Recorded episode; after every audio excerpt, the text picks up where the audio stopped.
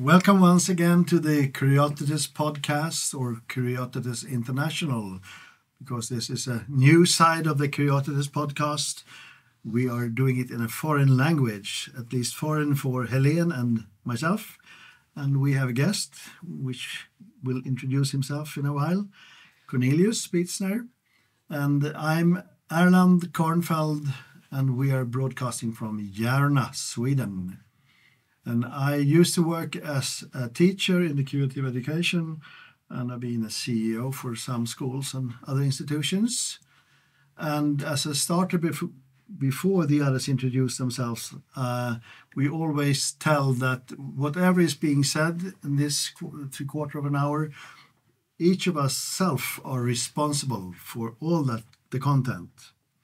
And we are very anxious and grateful if you want to make a feedback at the kuriotetes at gmail.com or commenting on YouTube or where you listen to it on the podcast channels.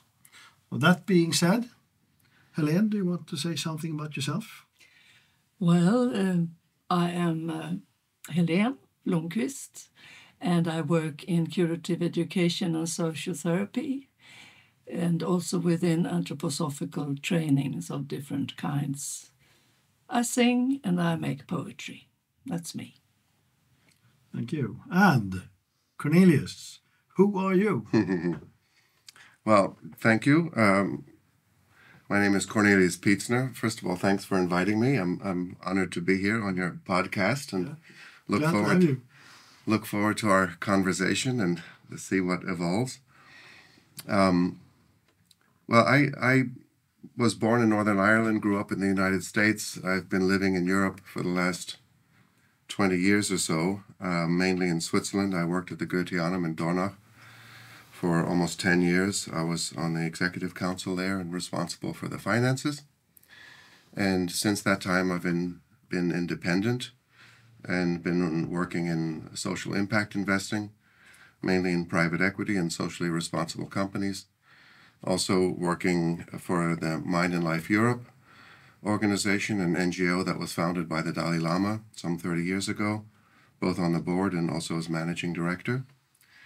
And um, I stopped that a, about a year and a half ago. And now I'm engaged in a variety of different projects that I find worthwhile and interesting. Great. And uh, according to the hair color, we are all by now very wise, I suppose. that's that's saying it optimistically, right? And uh, I think the themes for today is one thing that you are engaged in here in Sweden, doing a, a big conference in in the spring, and uh, you have a background in Camphill and and been dealing a lot with that through your personal history, but even in your work life. So that might be a a topic as well with Camphill and Karl Koenig. Sure. And uh, I don't know, perhaps we start off with a with a spring. It's always sure. a nice theme. The spring in regard to our conference. Yeah. Sure. sure. Or other. No, I would be happy to. Can I can I say a few words about sure. that? Um, well, first of all, uh, and this is a little bit of a pitch, perhaps, but um, but I'm really happy to be able to share this. Um, we're doing a, a, kind of a joint venture, if you like, between the Karl Koenig Institute, which is based in Berlin. I serve on the board of directors there, and the Kulturhuset um, from the 13th to the 16th of April of this year. Um, and it's an event, a conference that we're calling Inner Connections, Soul Breathing, and Nature Breathing. And this arose um, a couple of years ago, actually, out of some discussions that we had when I happened to be visiting here in Sweden when we were discussing the work of the Karl Koenig Institute and particularly the um, drawings that Dr. Koenig had done, he was a refugee. I can explain a little bit more later. He was um, a refugee who found himself in Scotland um, at the tail end of the Second World War. And as was the practice at the time, he, um, he was interned on the Isle of Man with a number of other so called enemy aliens. These were Jewish refugees. And they had the opportunity there to basically have a kind of an anthroposophical study year together with Willy Sucher. And the calendar of the soul from Rudolf Steiner was the main source of their study. And during that time, he made these drawings 52 drawings plus 13 drawings uh, related to each verse of the calendar of the soul. And um, this element of the kind of the rhythmic year and looking at the breathing of the soul through the year and its relationship to the cosmos seemed to me in discussion, in this case with Anders Kumlander, to have a relevance to the increasing stress that we're experiencing with nature and the nature catastrophes, one after the other, one worse than, than the other. And to see whether we could try to address or try to speak to this inner relationship of the human soul and in the flow of time and the rhythmic element in the flow of time and nature as a living being uh, through an event and not focus particularly on um, the CO2 emissions and carbon footprints and 1.5 degree warming and these other things that are equally important but can be done in a sense better by other people and have been done. But really take another, uh, shall we say, deeper look uh, from a different perspective in regard to these elements that I've just mentioned. And through these discussions, we thought that this could be quite interesting and quite relevant and even urgent. And um, so we thought about this for a long time and then came to this to the title of the inner connection soul breathing and nature breathing and decided that we would have this event in at the Kulturhuset, as I said, as a joint uh, project between the Karl Koenig Institute and the Kulturhuset, and invite people to speak and to present and to share that we felt were doing worthwhile work. Yeah. Not only from the anthroposophical point of view, but also people in the larger community who shared similar values and were similarly engaged. And We've now put together a program. You can look at it on interconnections.org, uh, that I think is very rich in its architecture, very full, um, and actually quite exciting with in, with very interesting uh, personalities, largely from um, Sweden. Yeah. But not only, it is also an there's an international uh, cast, if you like, of, of speakers, and we can speak more about this. But it will take place, as I said, in April at the Kulturhuset. Everyone is warmly uh, welcome to attend, and I hope it's an inspiring and worthy and worthwhile contribution to this important issue. Yeah, thanks. So how how did you can you remember when and how you got this idea to connect uh, the whole question about the environment and the climate with the soul calendar? Yes, I can remember um, because in the Karl Koenig Institute, we've been very involved with the Calendar of the Soul. Um, and Richard Steele, who is the managing director there, is also doing uh, webcasts um, every week now to some 600 people all over the world, mm. both in English and in German. So it's been an issue for us because we have these drawings, these original drawings from Dr. Koenig that have been exhibited almost 30 times in various places in Europe. And we're bringing the exhibit here to Järna as well with these drawings, together with drawings from Tor Olsen, a Norwegian painter who also lived and worked in Järna. And so, in discussion uh, with Anders there, sitting in the Swedish countryside, in this incredibly powerful, wonderful nature, it was a kind of a natural inspiration to realize that uh, with so much press, so much urgency, so much catastrophe, so much suffering, uh, so much confusion um, in the world of nature, that uh, we had an opportunity to try to offer something that would illuminate and explore the connection of us as human beings and our soul rhythms with the rhythms of nature. It was a kind of a natural. Mm um, a natural inspiration, shall we say. And uh, so, you know, we, we've worked on that uh, since then, and I, I hope we can do justice, and I think we will be able to do justice, that is, to make some, even modest contribution to um, maybe shedding light from a different point of view on uh, on this complex subject. Yeah. Yeah. And uh, perhaps we might say some more. I think we all three of us have experiences, personal experiences with working with the soul calendar. Uh, sort of go a bit deeper into what it is. As you mentioned, those are 52 verses, one for every week. But how, how could you de- describe the content? I can read one for Yeah, this week. yeah. Please so do. you, uh, you Yeah. can go, go out from there. This is for the week that starts with the 12th of January. You, excuse me, will you read this in Swedish? No? Uh, if you like, but I can also read it in English. Let's hear it also in Swedish. Yeah, It's not so long. sure. Absolutely. But start with English, I think. I start with English and then I do the Swedish. So,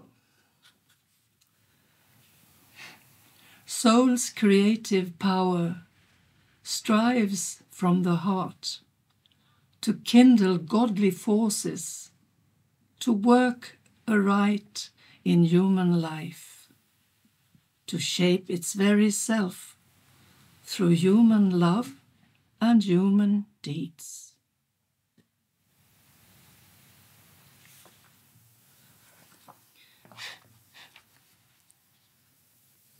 And Sweden.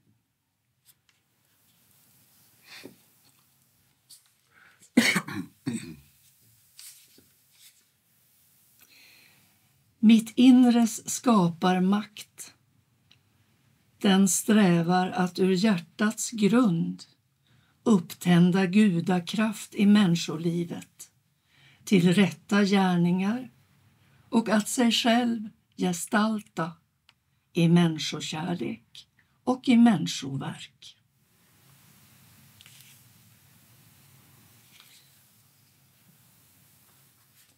Yes. And for me, if, if you, just listen to that, for example, for the first time, uh, those are kind of mysterious words.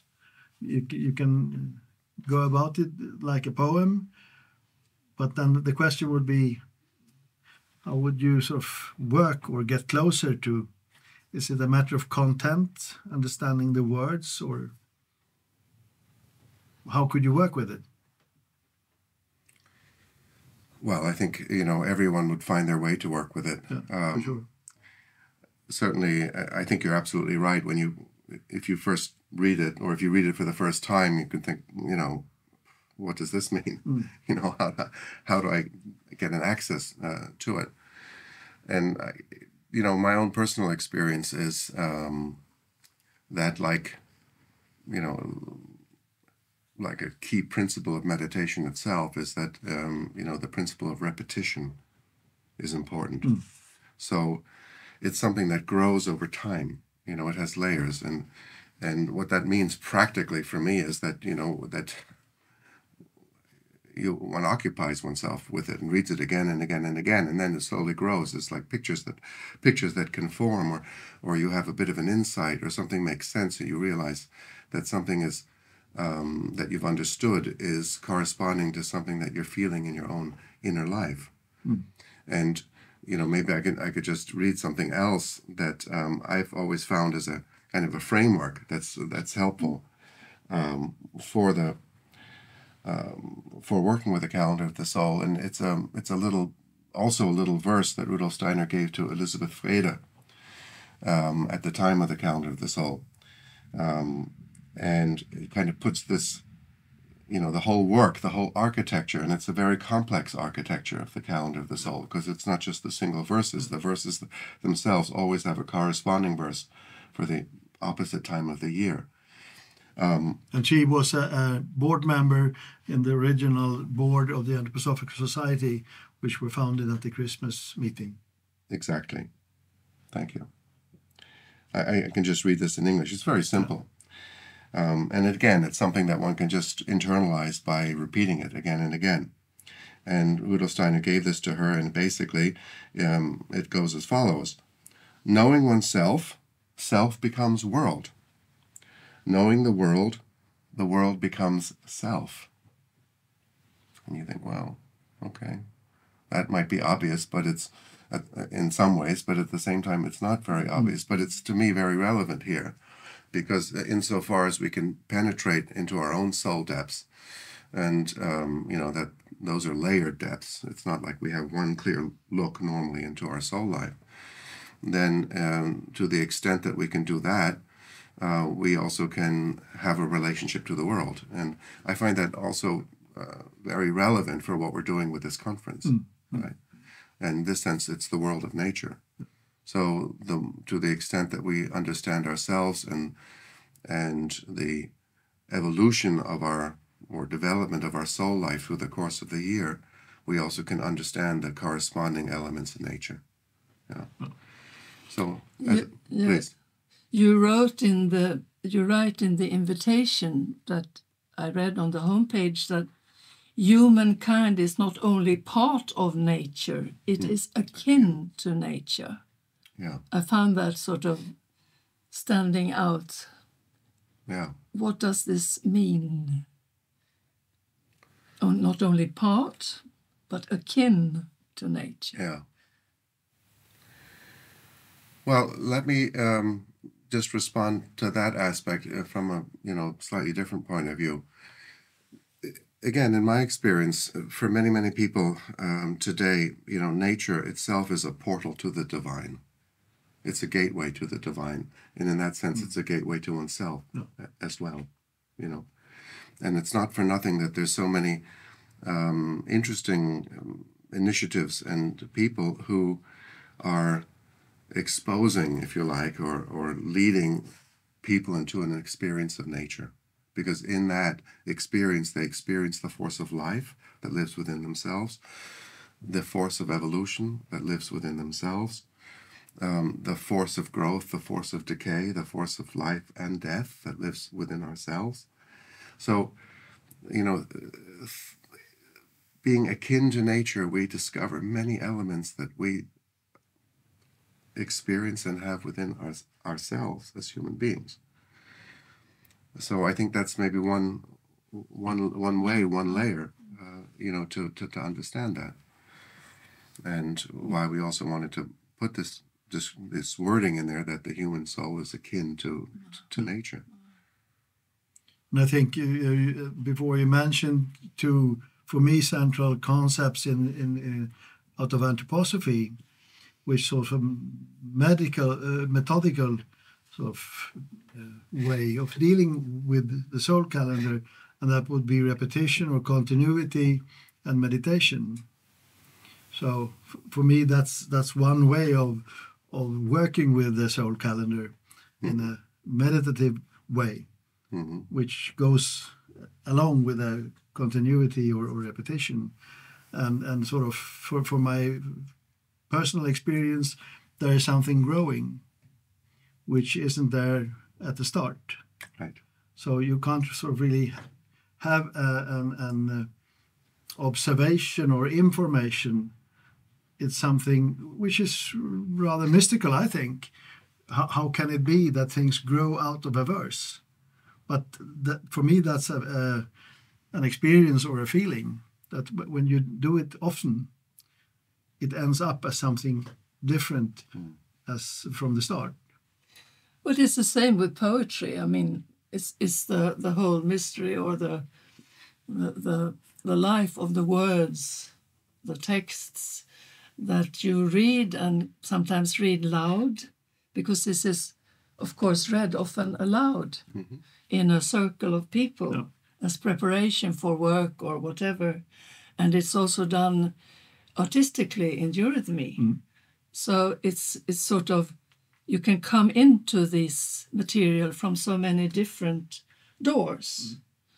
Mm. Uh, and it has, it's akin to poetry, I think, in that way. Mm-hmm. That uh, the text is there, and then when you add your own consciousness and feeling, something new happens. Mm. And that we hope will happen in the conference, that we can sort of lift it out of the texts and come into conversation and this inner connection that you call the whole conference. I've been wondering about this what does inner mean? Well, I'm going to ask you. I'm going to ask you that question right back in a second. What does it mean to you? So I'll give you a moment to think about it. Uh, but um, maybe one other thing, and it relates to what you both said, both to poetry and, and to the methodology, um, Erland, that you mentioned. You know, in some ways, uh, you know, when we approach a meditative verse or meditative content, for me, it's always a question of how do we quiet down our intellect right? Mm-hmm. So that we don't attack it, if you like, um, with uh, you know purely with our intellectual capacity of thought, but but try to shrink that a little bit or put it to the side, so that something can grow. Mm-hmm. Because often with our uh, with our intellect, you know, we attack something or we understand something, and then we already have a concept, mm-hmm. and that concept is fixed mm-hmm. then. So to keep this organic, to keep it living, to keep it having the capacity to grow and to expand, that element has to be put a little bit aside so that um, our feeling life and our thinking life can kind of merge in a interesting symbiosis that allows these um, insights, this these feelings, I think was the word you said, to grow. And that's, the, I think, a, a difficult task today. And it's one of the first tasks of how do we not wish to immediately, from an intellectual point of view, understand something mm. and be willing to come again and again and again to something, even if we don't quite understand it, mm. until all of a sudden we realize, oh, there's a little seed there, uh, a quite unexpected element, and it's beginning to take on a form and beginning to um, to develop and grow in ways that have, make a difference for us. Mm and maybe then even inform our activity, you know, mm. our, our actions, our will. Um, and I think that's a beautiful picture, imagination with the seed, because the, the sort of intellectual or abstract view is like putting a lid on something. It it prohibits the growth, so you really have to take it away and put it, expose it to, to light, or then the seed can grow. Mm-hmm. And for me, it's like it's a, a, similar process with the soul calendar, and also it's a tuning in with the world around. So it's like a bridge from from my inner life to the life in nature or the outer world, and and it's helpful because it helps me to change. Uh, often, otherwise, you go with a concept and you do it the same way every week for a year or, or many years. But this forces you sort of to be flexible or, or be in that mood to change and still tune in in the outer world. And, and that's, I think, it's, it's a great experience. Mm.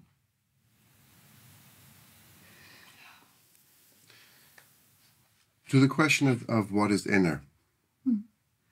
um, this, this is maybe one sliver uh, of a response you know, if you look at us three, uh, just by way of example, we have an outer connection. Uh, you know, Erland, you're sitting there. Helena, you're sitting there. I'm sitting here. We have a wonderful table here. We have wonderful people behind the cameras, and um, there's a certain constellation.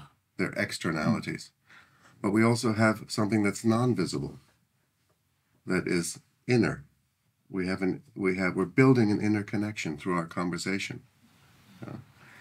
And uh, that may have an outer side to it through the words that we're exchanging in the physical elements but it also has uh, shall we say a soul element in the sense that we through our conversation and through our turning towards each other and turning towards a subject are building an element perhaps of warmth of interest of curiosity these are actually supersensible phenomena mm. but they're real and in that sense one could say they're they're inner as mm-hmm. well. And they have as much validity, but are often, we experience them. We know, we know this. We have our, a certain kind of natural clairvoyance, I, I think, today, mm-hmm. you know, where, where, we perceive this, uh, the relationships that we have. Um, but often we, you know, we're not so schooled, maybe I can put it that way, in being able to articulate these inner connections and these inner mm. relationships. But they they also direct our actions then ultimately. Mm. So maybe that's a, just a spontaneous and perhaps somewhat superficial example, but that inner connection that, that we build over time ultimately is as real, if not even more real or determinative than the externalities, right? Because we'll go apart at some point in a few, you know, some minutes, but we may may remember what happened between us as an inner connection. And I think many people experience that in small groups and in, in, in various endeavors that they do, that, that those inner connections are the ones that ultimately count. And and perhaps in the conference that we want to um, that we're going to have in April, it's it's those elements that we would like to at least try and elucidate, try to point out, try to point towards, and maybe become aware of them, and take it from there. Yeah, and that's a beautiful connection to moving on to the campaign. Can I just uh, say something in Sure. between? Uh, but then, um, when I look at the program, just to to to lift up what's all in there, it's the the speakers, the keynote speakers uh, that come from, for instance, uh, people who have been in the government in Sweden, like Isabella Lövin and and uh, Anders Wijkman. Wijkman, who, uh, you know, people who really have been working within the Swedish society and also internationally with all these questions of how to shape the future, thinking about the environment and the climate question. And, and added to that, you have the artistic workshops mm-hmm. and also the gardening sort mm-hmm. of workshops. Mm-hmm. So I, I just wanted to Thank you. uh, thank you also for for that you have this possibility because maybe it's through the arts that we can really connect with our feeling life to this whole question of who am I in relationship to climate and nature. What do you think? No, I agree. I agree. I mean, we all we- need different ways to um, to um, digest information and material and our experiences, and the arts is um, in all its forms is such an important way to do that, and it's also an important path of cognition. The arts. I mean, it's one thing to take in intellectual content; it's another to come to these living insights through the arts.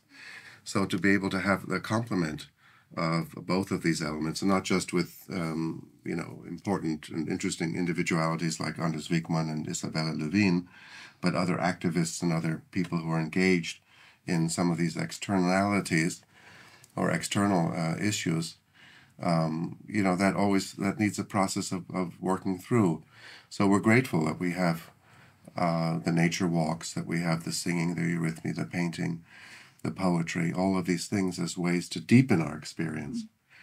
Um, because in the end, um, it's my view and uh, and my experience that only when we can deepen the experience does it become something that we're willing to then do and deal with. You know, uh, if it stays superficial, even if we're momentarily inspired, we get we get inspired by a lot of stuff in the course of one day much less a week. It's boom, boom, boom, boom, boom, boom in our information age. So if we can really, we can internalize it and really kind of work it through as much as we can over a weekend.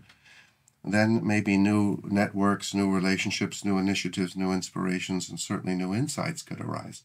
That would be a best case scenario, you know, um, for the event. So very glad that um, we have such a, a wonderful and rich um, complement of workshop leaders and presenters. And I understand it's open for anyone who is interested in these questions. It's not uh, to the anthroposophical networks, No. it's really in the whole society, Even the, internationally, or even the anthroposophical networks are even invited. okay, they are they can. okay, thank I mean, in a way, you know, in a way, these these issues are they're not the um, the province of the anthroposophists, uh, just like they're not the province of the climate activists. It's the, really it's the province, it's the property, to use another word, of all of us as human beings. So, uh, you know, more and more, um, you know, whether we use the same language or even the same concepts, um, I think many of us mean the same things, and some of these are quite spiritual and quite deep. So, you know, I prefer not to uh, separate and say, here's the anthroposophical group and here's the other group or something like that. We're all, you know, we're all in this boat together. And, um, and certainly the conference is intended, it's a public event, there's no question. And so we're, you know, we would love to have uh, lots of young people there. We've certainly invited um, and have a number of volunteers from the YIP, uh, YIPPES program at, uh, at Järna and, and, and many others. So, yes, by all means, feel warmly invited to come. Well, then I, will connect to another bridge in, in the Camphill because that's uh, a movement as well, which are not sort of just for anthroposophists. Uh, although the the first connection would be creating an, an inner space or a connection between people living in a Camphill village or institutions. And, and perhaps you could elaborate, say something about the the Camphill movement. What is that? Well, what you said we had a couple of hours? no. you know, that's a that's an important question, and I, I, if you allow me, I would like to answer it in a particular way. And the the way I would like to do it is to go actually back in history, because going back in history will allow us to look forward to our present time and into the future. Yeah. Mm-hmm. I, I think what is important to understand with the founding of the Camphill movement in 1938, 1940, is that this was a group of, I would call them unlikely compatriots. I mean, they were they were uh, individuals from Vienna, Austria, and um, most of them, almost all of them, were Jewish, and so they had to flee with the Anschluss. And they had uh, a study group in anthroposophy uh, under the tutelage, under the leadership of Dr. Karl Koenig. He was an established pediatrician already. And uh, these were young people, really quite young, um, who were art students and medical, you know, students and, and others, quite quite different kinds of people. And they forged these inner connections, a very strong bond with each other. And then they all had to flee into the world and they took different paths and they ended up, it's a long story made very, very short. They ended up in Scotland. And they were essentially given a property to rebuild their lives. And for them, the commitment was to um, rebuild their lives with the refugees of the time. They themselves were refugees, I mean, physically, really refugees. But the people who were social refugees, the, the group that were social refugees, outcasts at the time, were people with special needs, people in need of special soul care. Mm. Back then, you can, not that you can remember, even if we have white hair, but it was a very different climate. Yeah, sure. And so they they wanted to to build this life together based on a practical, applied anthropos- anthroposophy in community of which they had no experience, and kind of build it as it you know as it went along. Uh, together with this uh, this other group of outcasts and refugees, and that's how Camphill began and they had to discover things, um, you know, along the way. But their commitment really was to try to embed every element of their, at that point, very simple and difficult life with anthroposophical insights. And out of that, slowly, this Camphill seed grew and grew and grew and expanded into many different countries and ultimately pretty much all over the world. But the reason why I mention this is that that uh, although we think of Camphill as a movement for um, social renewal or a movement really focused on individuals in need of special soul care, actually, one could almost say it was um, a movement for outcasts, for refugees. Mm. And you know, if you look around today, you know, we're in a world of commotion and movement and refugees and people who are outcasts. Mm. Uh, and uh, so I think there would there are real opportunities for Camphill. I wouldn't say to reinvent itself, but to take hold of its history to move into the future. Yeah. you know, in, in, in that regard. So, you know, in, in a more more conventional wording, one could say it's you know it's a um, it's a movement of intentional communities. Um, as I said, spread around the world of different sizes, different locations with slightly different constituencies. Um, but ultimately, and at a deeper level, it's it wants to be a movement for social renewal, and I think that's needed as much today as it was ever before. Mm. So whether you know whether Camphill and its affiliates and offshoots are up to the task, uh, that remains to be seen. Mm. Yeah, and I, I think this is the reason why you're asking this question. I have a long history with Camphill. Um, my father was one of those uh, uh, individuals who who uh, had to flee Austria. In his case, not because he was Jewish, he was one of the few who was not, but he refused military service in the German army, and at that time that was a very serious a crime. So he also fled, and uh, he was one of the co-founders of Camphill, and so I, by happenstance, was born into the Camphill movement, and uh, but not in Scotland. In in Northern Ireland, uh, he was sent then to Northern Ireland to build up the work there in Glencraig, near Belfast, and that's where I was born. Spent four years there, and then he moved further west to the United States and uh, there the work, you know, started, and uh, I spent my childhood there, and and um, and it was a wonderful childhood, and I think I benefited greatly. And then when I left, I thought I would leave for good. I thought I'd paid my dues. As it you turned out, mistaken. I was mistaken. That's right. I was mistaken. I ended up after university and a number of other things um, and with quite different ideas about my future, as destiny would have it. Thank you, destiny. I ended up um, in Camphill in, in North America and um, also founded a community, Camphill Soltane, which both of you have visited. Thank you for joining us back then, many years ago, for young adults. Um, and was very involved with the development of the Camp movement in North America for many years and um, from which I also learned a great deal about many things. Could you yeah. say something about the, the, the, theme of living together, which seems to be sort of a, a problem in, in the anthroposophical movement in general? what, what is sort of the, the needs or what you need to know or what you need to do to or what you learn. if, if you you said it's even possible today to renew the, this core question of living together. Yeah. It, today it might not have to do with uh, people with special needs so much as immigrants, but I feel it's, it's a little bit the same question, uh, even the way you began with talking about outcasts. Yeah. Well, you know, just maybe one or two things. I will say living together is pretty damn hard. Yeah. but why? um, but it's a wonderful thing. I, you know, uh, because we confront ourselves all the time and we experience our double all the time. We experience our lower selves again and again and again.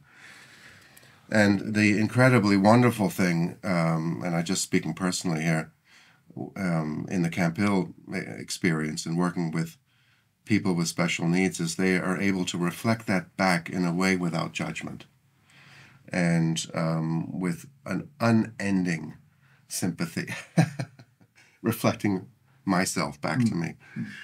So, you know, I think this is a very complicated question, but I think, you know, two things are, and they're related, two things are important. One is to realize that we will encounter our double, our lower selves mm-hmm. again mm. and again, and be willing to take that on. And that's perhaps the key because uh, what that implies is that we're willing to work on ourselves. And that's hard work. That's the hardest work.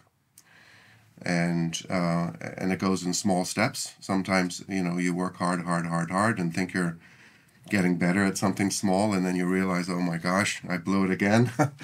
um, but for me, that was the key. You know, um, if you're also in Camphill, if you're going to survive, so to speak, over time, is the willingness to work on oneself And to do that means being willing to look in corners that haven't been dusted, haven't been looked at, where the light maybe doesn't shine so brightly, and um, and to be willing to um, take on board also the um, the inputs of our fellow human beings. You know, in that regard, for me, that's the the big. You know, that's probably the key the key thing, and and everything follows. You know, tolerance, um, gratitude, uh, generosity of soul, generosity of spirit you know, if one sees these things in oneself, then one is probably willing to be a bit more generous, you know, when Yeah. one sees it in somebody else. So I know that's maybe, there are many other elements to, to you know, to, to that question. But um, I think for me, that's kind of coming to the core. Yeah. You know, it's basically a path of spiritual develop, self-development. Right. And it's interesting because it's uh, I think it's very clearly described by Rudolf Steiner in some tasks of, of the, the schooling path, where where to cite Rudolf Steiner, he says, "Know thyself," which is sort of main theme in the anthroposophical movement, equals overcoming yourself. And if you if you want to start to practice that, you start with the insight that the things that you can do or the things that you think yourself are very good. Mm-hmm. You you have to know that you have to harmonize that because that's just one part. So you can't expect everybody to do the same. It's a, it's rather a shortcoming. And and you have to overcome that which is for me sort of stepping over a, a, a border which sort of finishes off with, with the concept of myself. And and that sort of is the same thing with the soul calendar and, and with the conference in in spring sort of taking that step which as you describe it's not so easy. It sounds easy. But uh, I, I have a, a comment on it. I mean, you said it's maybe not with uh, people that have different needs and and um, the diagnoses, but it's the, the refugees. You said I, I think that the question of uh, what do you say in English, uh, psykisk ohälsa, alltså psychological uh, difficulties, uh, psychiatric illness like depression and so on. I mean, that's really in the society, in the forefront today. Yeah. And through that, it's in the workplaces, it's in the families. And how can we deal with those things today uh, in this kind of stressful times? I mean, these are not small questions, let's face it. Um, but I mean, this inner connection, schooling myself, thing. How can you put that in relationship to this huge question? You know, I, I'm, I'm going to try to connect the two things here. Um, and I think there are two levels of commitment that are required because, you know, if you, if you speak about this uh, maxim of, um, you know, um, human being, know thou thyself um, from Ephesus, that's, a, in a sense, the first step. Because we, you know, we can be overwhelmed by knowing ourselves, you know, and we can fall into a big black hole when we begin to know ourselves. So that first level of commitment is once or as we begin to know ourselves, what do we do about it? Do we have a commitment to do something about it? That is to mm. work on ourselves. Mm. That's the first level of, of commitment, and that's a big one, mm. you know. And then, of course, there's the whole question of what are the, you know, what's the toolbox that we have? You know, what are the, you know, what are the the the, the the elements that we can use that can help us, and there are many of those. And it would take too long to go into into describing some of them, but you know, we we know, and we need tools to work on ourselves. I think so. That's the first level of commitment, and the second one, and I think Helena, it comes a little bit, um, you know, to your point. I had often wondered, and let me just give a quick image. I'd often wondered about this classic image from Parsifal where Parsifal sees Amfortas and he sees the wound and he fails to ask the question. And the question, as we know, is, Brother, what ails thee? Right, this is the question. It, it's sort of this. He has been asked not to ask too many questions by his mother. You remember? And what does that mean? What ails thee okay, in modern English? it means what's wrong with you, brother? Uh, uh, you know, what's troubling you? What's troubling? Yeah. And because Amfortas has this gash, uh, you know, he has this wound um, that is not healing. Parzival beholds this, and because he's been told by his mother not to ask too many questions because it's impolite, he doesn't do the natural thing, which is to say to Amfortas, What troubles you? What is bothering you? What's wrong with you?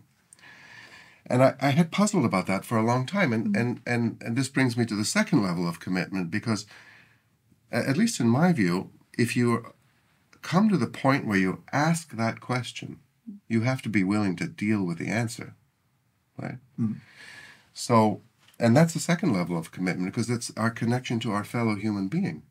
Right? And that has destiny and karmic consequences if you ask such a question you know, with people who are having psychiatric or all kinds of problems that we have today. If you if you put yourself forward, you ask the question, you engage, what is our responsibility then to that person? And that's not an easy question, you know, to be willing to make that commitment. Um, and it has real life consequences.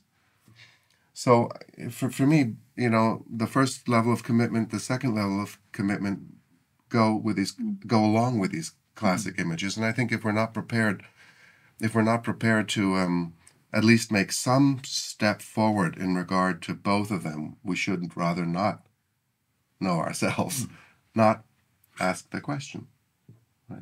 They belong So- together. They somehow belong together. So, you know, these are things to ponder and to think about. And of course, they have to do with, you know, what are our own possibilities in life? You know, uh, what are we able to do? What are we not able to do? But, but uh, I think one has, we have to think these things through somehow. Uh, And I think that's a, a beautiful conclusion of this talk because you, you, you have to sort of make yourself able to put that question, perhaps even to nature, the Parsifalian mm-hmm. question, mm-hmm. what ails thee? exactly.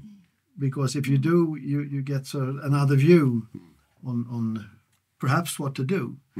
So I, I think it's a, it's a positivistic way to put it Absolutely. that sort of achieving those levels, but it's a, a main work or a long time work. You, can, you can't Exactly. think of it like something you can achieve th- this spring. Mm. So you just have to start. But the sooner you start, the sooner you will get somewhere.